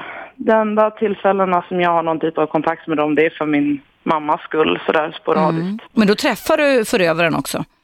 Uh, nej, nej, nej, nej, jag skulle aldrig sätta mig i samma... Nej, nej, nej för det känner man att det, det pallar man liksom inte. Nej, nej. Men, men, men det, är ju ett, det är ju ett hån att, uh, att mm. uh, mina morföräldrar och sådär mm. spenderar mm. jul och sådär med, med honom mm. och bjuder in honom i deras hem liksom. Så att där bär man ju också ett, ett ansvar som, som anhöriga och som familjemedlemmar. jag förstår verkligen att det är mycket och fruktansvärd information att ta in för, för familjemedlemmar. Mm. Men att man, det krävs extremt mycket för att som du säger, arbeta upp modet till att mm. ta upp och berätta sådana här saker. Mm. Att mm. Hur osannolikt det än, hur, man, hur osannolikt man än själv kan tycka att det verkar så, så ja, att vända den personen ryggen som redan har blivit utsatt, det, det är bland det värsta man kan göra. Mm, mm. Ja, det blir dubbel, dubbelkränkningar på det hela, eller hur? Jajamän. Polisen gör ingenting mm. eh, och familjen liksom vänder den ryggen. Du blir lite utstött nästan. Ja. ja. Fast jag tycker ändå, Hanna, när jag hör din historia här, att det är jätte, jättebra att du som 17-åring gjorde detta. Jag tror att det i långa loppet, alltså, så även om detta är förskräckligt, den bestraffning du, liksom man, säger, du har råkat ut för, så mm. tycker jag att det är jättebra att du gjorde det. För det handlar om att stå upp för sig själv. Ja, oh ja. Mm. Och jag menar hur, om, om om vi som unga tjejer, som kvinnor och även, även liksom unga män och pojkar som blir utsatta för det här, mm. ifall vi inte höjer våra röster, ifall mm. vi inte säger till, ifall vi inte sätter ner foten och säger det här är fel, mm. så, här, så, här kan inte, så här kan det inte fungera. Mm. Eh, då kommer mörkertalet fortsätta vara stort. Man kommer inte ta upp det och inte våga prata om det. Det är därför jag tycker det här programmet är fantastiskt. Mm. För att, äh, ja, ähm, så att äh, det är det enda sättet att skapa någon typ av förändring. Ja, det är det ju, eller hur? Eller hur? Ja. Nej, fy fasiken alltså, stackars dig. Men du är en modig ung kvinna, du har varit utsatt för alldeles för hemska mycket kränkning och våldtäkt, men ångra aldrig att du anmälde, ska jag vilja säga ändå. Du har inte gjort något fel, det är din släkt som har gjort något fel mot dig. Ja, definitivt. Alltså det enda, det enda, jag, jag, eh, jag är jättenöjd med att jag eh, mm. ja, satte ner foten mm. och anmälde och, mm. och sådär. Eh, däremot så, så tycker jag att eh, ja, svensk sexualbrottslag mm. måste förändras. Mm. Och eh, svensk sjukvård eh, behöver liksom eh, arbe arbeta ut någon typ av system eller någonting så när mm. det kommer in eh, våldtäktsoffer etc. Hur man, hur man hanterar det här. Fast det, det tror jag att de har jag, idag nej, i alla fall har jag ja, hört. Men, ja. Kanske, men för då, för då var det verkligen så här, mm. åh, åh herregud, vad gör vi nu? Mm. Och alla sprang runt som Nej, de har speciella kit för detta och speciella rum. Och jag tror att de, de har specialutbildning, många läkare, vad jag har hört idag. Så det är en helt annan omvårdnad och bemötande har jag förstått. Ja, det, det mm. glädjer mig om mm. det är mm. så i sådana fall. Ja, usch, usch, usch, stackars dig. Men fortsätt att res på dig och sträck på ryggen. Vi ja, gör det tillsammans du och jag. Mm. Ja, jag vill uppmana alla, alla unga tjejer och kvinnor, alla som blir utsatta för någonting att höj era röster, säg, säg ifrån mm. och, och anmäl och... Eh, Även om, om det inte leder någon vart så man, får vi en statistik kring mörkertalen ju mer vi anmäler, eller hur? Människor för tafsningar och ofredanden, eller hur? Visst är det så. Tack för ett bra program. Tack Eva. snälla Hanna. Stor kram till dig så länge. Hej då. Kram, kram. Hej, hej, hej. Ja, hörni, vi ska ta en liten paus. Det är mycket starka känslor och mycket tankar som cirkulerar inom mig. Det gör det säkert inom dig med. När jag idag pratar om med dig som varit utsatt för tafsningar och ofredanden. Numret är 0200 11 12 13. Jag ska prata med dig Katarina om du kan vänta över pausen. Vi ska få en aktuell nyhetsuppdatering nu på Radio 1.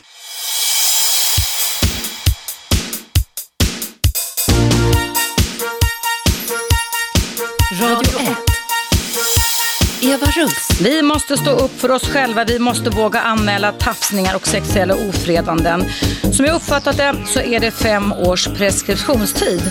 Och de poliser jag har pratat med säger att det är ganska vanligt att de som varit utsatta för ofredanden, sexuella sådana eller tafsningar, att man ibland eh, liksom väntar, att hjärnan måste få tid och liksom förstå vad som har hänt. Så det är inte så att man säger hej hopp vad kul, nu ska jag springa och anmäla. Det är också många som har ringt in idag eftersom det är dagens ämne, att det är många som känner att man ändrar känslorna så att den som varit utsatt, offret, går omkring och känner sig skam och skuldmedveten medan förövaren eh, går fri. Och därför så tycker jag att även om inte alla polisanmälningar leder till åtal så tycker jag att vi ska höja statistiken. Jag har själv höjt den statistiken för två veckor sedan genom en polisanmälan. Nu ska vi höra vad Katarina har att berätta. Hallå Katarina! Hej! Välkommen! Eh, jo, det här är några år sedan och jag inser ju nu att jag borde ha fräst ifrån ordentligt och blivit jäkligt förbannad. Kanske till och med anmält. Det, mm. Förlåt? Kanske till och med polisanmält. Nej, det borde jag nog inte. Jag, jag vet inte mm. hur, hur, hög grad, eller hur, hur, allvarligt det här var. Det, var, här är alltså en tafsande gubbsjuk manlig kollega. ja, på jobbet. Och ja. det här är väl kanske en, det måste vara 20 år sedan någonting. Vad gjorde han då? Ja. Ja, vi var med, jag jobbar på en musikskola mm. och vi var på rektorns eh, sommarställe på en liten kick-off i mm. augusti. Mm. Mm. Och vi satt på verandan där på, på kvällen och hade väl druckit lite vin och ätit god mat. Men det var ju verkligen inte att folk var onyktra i, stod i hög grad utan vi satt bara och pratade på verandan i princip. Mm. Och rätt vad är så bara greppar den här karln om mina bröst. Mm.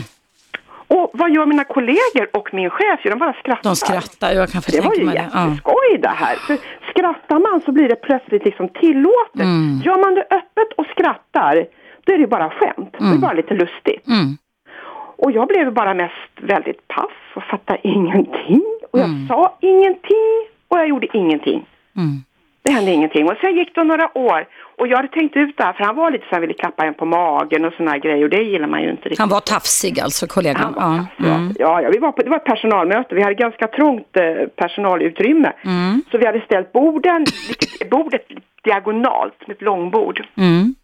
Och det var en plats, ett par platser efter honom så var det en tom stol. Ja, men jag krånglade mig dit. Och precis när jag passerar den här karln, alltså där sitter kollegor runt det här långbordet. Vi ska ha personalmöte. Då tar han mig på brösten. Samma karl igen alltså? Ja. Samma karl igen när vi ska ha personalmöte. Vad gör jag då? Jag greppar honom, jag böjer mig fram och greppar honom om snorkeln och klämmer till. Det lär ju göra ont på männen, så att säga. Mm. Ingen kollega sa någonting, ingen har någon gång pratat om det här. Mm. Han sa ingenting, han blev nog väldigt pass, han satt väldigt rak och ja. fattade nog ingenting. Mm.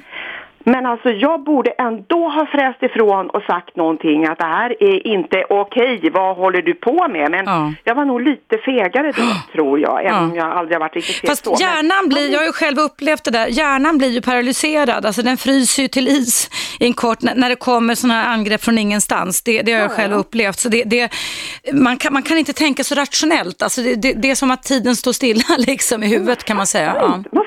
Fattar inte. Nej, nej ja, man tar inte in sånt. Nej. En tisdag eftermiddag, liksom mm. ljusan dag, inte mm. personalmöte, så tar han mig på bröstet. Nej, fy fan alltså. Men har du någon gång efter det gått fram till den här tafsaren och... Nej. Nej.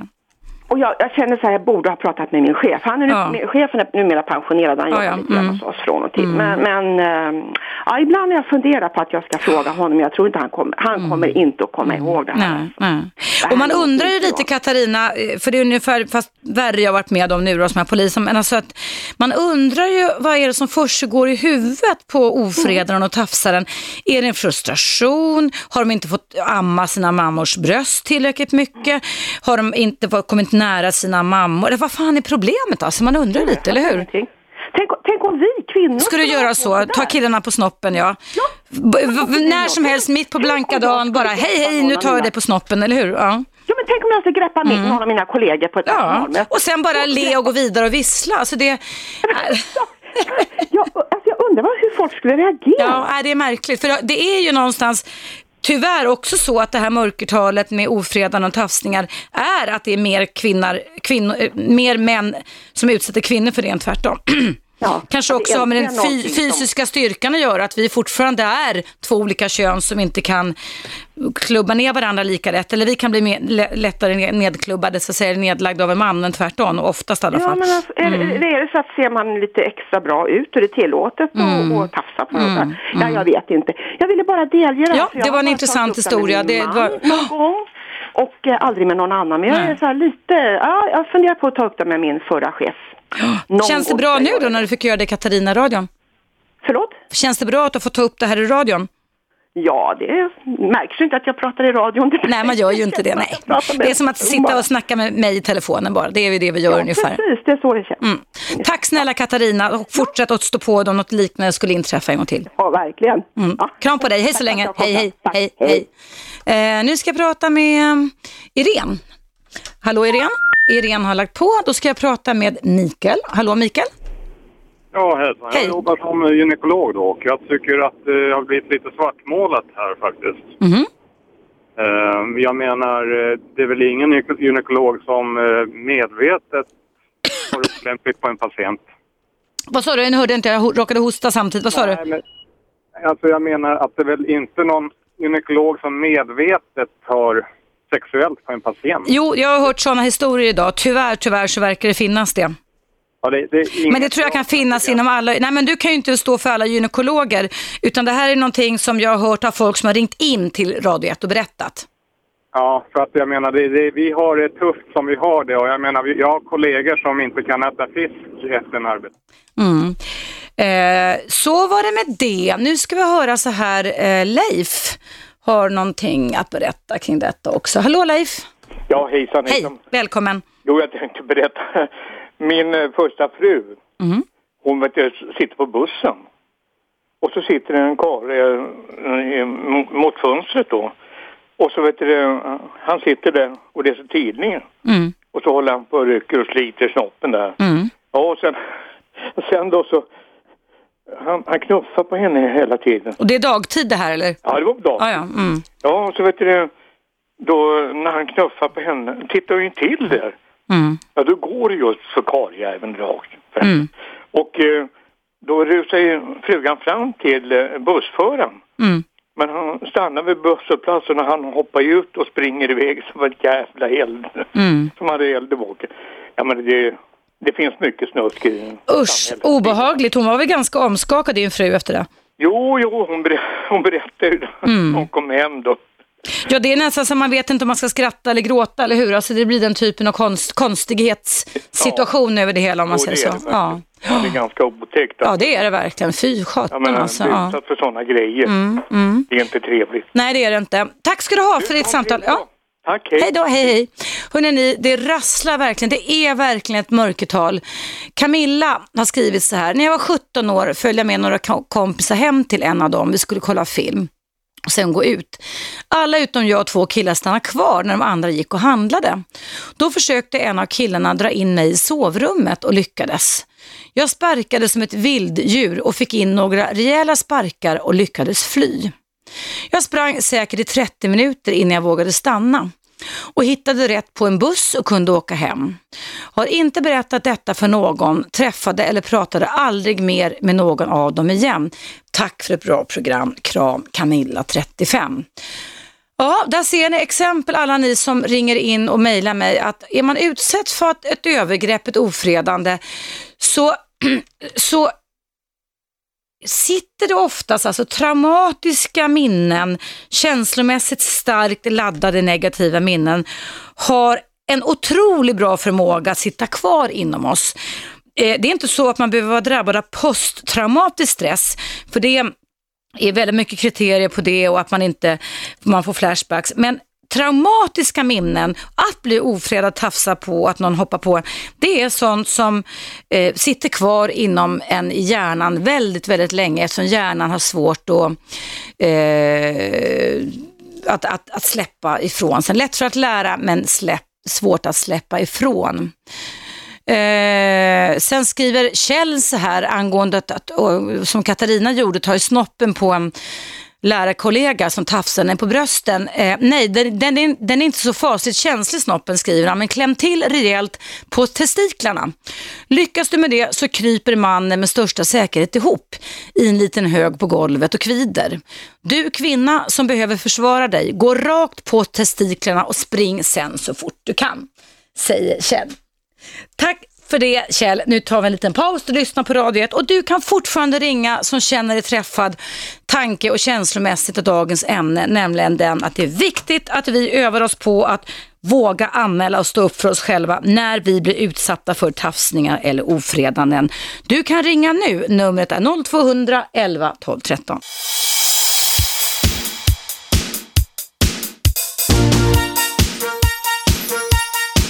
Radio 1. Eva Russ.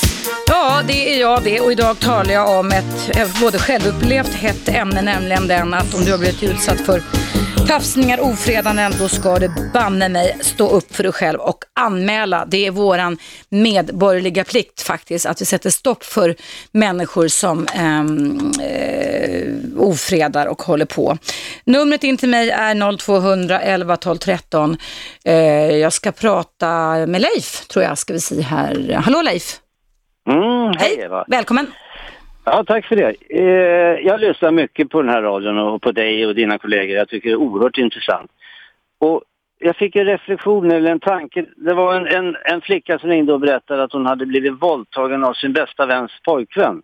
Ja, det var ett mejl jag läste upp, precis, just det. Okej, okay, var det ett mejl? Mm, ja, men, men det... det... spelar ingen roll. Jag har en, en, en tanke om det i alla fall. För att mm. det här har jag hört om liknande fall. Och, och jag tycker att eftersom det är väldigt många som lyssnar på det här programmet och mm. förhoppningsvis unga människor också, så mm. tycker jag att i det här fallet så, så berättar hon att, att de hade varit på fest och åkt hem till sin pojkvän eh, sin vän, väninnas pojkvän. Ja just det, de skulle sova över där alla tre. Ja, ja, mm. ja precis, och hamnade i samma säng. och hon hade tagit av sig och låg i trosor och bh eller hur det nu var med det. Mm. Mm. Eh, och sen så börjar pojkvännen att kladda på henne och ville ha någon te eh, trekanten, hur, mm. det nu var med det mm. Och då menar jag så här att då skulle hon ha väckt sin väninna. Mm. När, när den här slyngen börjar kyssa och kladda mm. på henne. Mm. Mm. Då skulle hon ha väckt henne och, så här, och berättat att nu håller din eh, kille på och, och, och kladda på mig och han, han vill ha sex med mig. Och det här går inte jag med på. Mm. Du får fan med vakna. De var ju, de var ju, de var ju eller påverkade av alkohol också som unga. Ja, mm. det, det, det, det, förstår jag att de var, för mm. därför blev det som det blev. Mm. Han kanske, eh, kanske inte gör så annat, men spärrarna försvinner då. Och då tycker jag så här att då skulle hon ha, ha väckt sin väninna mm. och berättat och varit högljudd, tala om att det här går mm. fan inte, det här håller på att gå överstyr. Ja. Tala om för honom att han får gå härifrån eller också går jag härifrån. Ja. Ja. Då hade hon inte blivit våldtagen och förmodligen hade den här pojkvännen blivit, blivit förhoppningsvis... Eh... Portad av sin flickvän, eller hur? Ja, att hon, att hon har sagt att du kan dra åt helvete. Ja. Att, jag menar, det finns inga spärrar hos dig. Nej. Så att där mm. tycker jag, nu pratar jag inte om skuld och synd hit och dit. Nej. Jag pratar om sunt förnuft. håller med dig. Mm. Hon, hon, säger ifrån då, eh, skämtsamt. Jag tycker, det fanns inget roligt i det skämtet. Nej, det fanns inget roligt i det. Jag håller verkligen med om det. Tack så jättemycket för din åsikt Leif. Tack för dina råd. Tack så Hej så länge, hej hej. Jag kan också säga det att jag har ju själv jobbat i nästan 20 års tid i väldigt mansdominerade yrken. Fem år i försvaret och nästan 20 år till och från som konsult inom svensk polismyndighet. Jag har legat en hel vecka och delat rum med två manliga poliser i Kosovo. Jag var inbjuden av FN 99 och 2004 och det har aldrig någonsin funnits på min agenda att jag skulle behöva vara rädd. Jag behövde inte vara rädd heller, det hände ingenting heller att någon skulle tafsa på mig. Jag har suttit invirad i 1999 i november efter att kriget tog slut i Kosovo i ett hus eh, tillsammans med två manliga militärer som jag reste ner till. Därför att vattnet tog slut, alltså elförsörjning och vattenförsörjning efter kriget var väldigt knapphändig. Så mitt i en dusch så fick man sen sitta åtta timmar med schampo på håret. och det blev så och, och, så och man kunde inte spola på toaletten och så vidare. Men aldrig någonsin att det har funnits i min värld vid huvudet en minsta lilla hotbild om att någon av de här männen skulle hoppa på mig eller eh, kränka mig. Eh, nu ska vi höra vad eh, Anita har varit med om för någonting. Hallå Anita! Ja, hej. Hej. Jag ville vara anonym, men det spelar ingen roll för det var så länge sedan. Ja. Nej, men det var så att eh, jag var, vad var jag, 14 år och hade flyttat upp så, och jobbat som barnflicka på Lidingö. Mm. Ifrån en liten småhåla. Och jag och min väninna, vi gick på Grönan. Och då var det en bil som följde efter oss liksom och stack ut huvudet och sa någonting. Men vi tänkte ju inte på det. Mm. Och sen gick vi in på Gröna och sen när vi kom ut, då stod den där bilen där. Mm. Och det var ju långt till Lidingö och min väninna bodde i stan. Mm. Och jag var ju, jag, fatt, jag var ju... Ung, ung. Man, man, man fattar inte alltid. nej. Oskuld, ung oskuld. Ja. Och i alla fall så, då erbjöd han sig att han skulle skjutsa hem mig, för han bodde på Lidingö. Men det var en främmande man alltså? Helt främmande. Uh, vad läskigt. Mm, farligt, farligt, farligt. Mm. Ja, så jag sa till min väninna det att ta, ta bilnumret ifall någonting skulle hända. Mm. Så mycket förstånd hade jag då. Mm. Men i alla fall så, han skulle först åka upp på Soliden för han hade någon kompis som jobbade där. Mm. Klockan var över tolvtiden. och sen så, ja, så kom han ut och fick jag inte tag på den och sen åkte han ut och jag känner ju inte till vägar och sånt där för jag var ju helt ny där uppe i Stockholm. Mm. Då så körde han ut, förmodligen det var väl i Liljanskogen. Usch, så oh, vad hemskt. Jag vill inte höra knappt. Men fortsätt. Ja. Ja, det, det, jag har fått ont i magen Oh, det är som en sån här läskig filmscen jag ser framför mig. Jag Ja. vet ju var Liljanskogen ligger och hur den ser ut och sådär. Ja, och Mm. sen var det en, en, det var en, eh, vad heter det, en bedhög bredvid med en massa Mm. ved. Mm. Och precis då hade de hittat någon som hette Rut Lind bakom, i mina hemtrakter. Mör, mördad eller våldtagen. Mördad Ja. bakom en sån där vedkubbe. Ja. I alla fall så stannade han bilen och jag frågade, "Vad- ska du inte åka, ska du inte, ska du inte sk- skjutsa hem mig då? Mm. När då började han och fråga om man inte kunde få en puss. Jag sa nej, så jag, jag har sällskap, jag vill inte ha någon puss av mm. dig. Och de är inte likadant alltihopa. Aha. Och han började. Men då fick jag upp dörren så att jag började springa. Jag kommer ihåg, jag hade röda högklackade skor. Du vet, man kommer ihåg sånt där i detalj alltså. Ja. Ja. Och då så började jag, jag springa va. Jag försökte springa därifrån. Mm. Så jag sprang så fort jag kunde och han sprang efter mig och drog in mig och stängde in mig i baksätet. Och då tänkte jag så här att nu är det bäst, nu håller du tyst, det är ingen idé att säga, det är ingen idé att skrika för det är ingen som hör dig, utan bara låtsas. Och han försökte ju fullfölja samlaget då, men att i och med att jag var oskuld så var det lite svårt. Mm. Men han fick ju vad han skulle. Mm. Och efter det så, ja, gud jag har hjärtklappning när jag pratar. ja, det förstår jag. Ja, så i alla fall så, jo, då sen skjutsade han hem mig. Och då var allting som normalt. Anmälde du detta sen Anita? Jag fick inte anmäla det. För att? För arbetsgivaren, för det var fult. Ja, och när jag pratade med mina föräldrar så sa de att eh, nej, det var ingenting att anmäla. Hur länge sedan ungefär var detta? Ja, 67. Det, ja, det är så pass, eh, 45, det är länge nästan sedan. 50, ja just det. Ja, för jag är eh, uppe i pensionsåldern. Men nu när du berättar om det så får du hjärtklappning. Ja. Mm. Jag får också hjärtklappning när jag lyssnar Ja, på dig. konstiga- nej men Mm. gud, det är säkert, nu känner jag, men jag fick aldrig, jag pratar ju aldrig med någon. Nej. Men jag tänkte på vad jag fick för, för biverkningar av det. Ja. Det var det att jag tror, fick för mig att det enda jag dög till, det var sex med män. Mm, mm alltså självkänslan blev... blev så stukad av detta. Jag så, vet att, inte. så att, att du liksom, eh, och det kan bli så för en del personer att när man varit utsatt för framförallt då våldtäkter som barn så försöker man hantera det genom att bli prostituerad och så vidare. Ja, jag var ju mm. barn. Mm. Nej, men jag var inte prostituerad. Nej, det har jag inte sagt heller, men jag Nej. sa att det, det finns Nej, ofta men... den kopplingen faktiskt hos de som är prostituerade. Ja. Att jag var väl mer lättfotad kanske. Mm. Jag skulle ju inte mm. ha men eh, Ja, det var vad jag var med om och inte fick inte fick prata med någon, ingenting. Men nu har du fått prata med en psykoterapeut. Ja, det var väl bra att det, det kom upp till ytan. Ja. Eh, ut och gå en sväng om du känner att du fortfarande mår illa av detta. För det, det gör man när man pratar om sådana här saker. Ja, faktiskt. Vad sa du? Jag är lite småskakig. Ja, man blir det när man kommer ja. ihåg. Och det, det som är så intressant är att det är så minnesbanken i hjärnan funkar.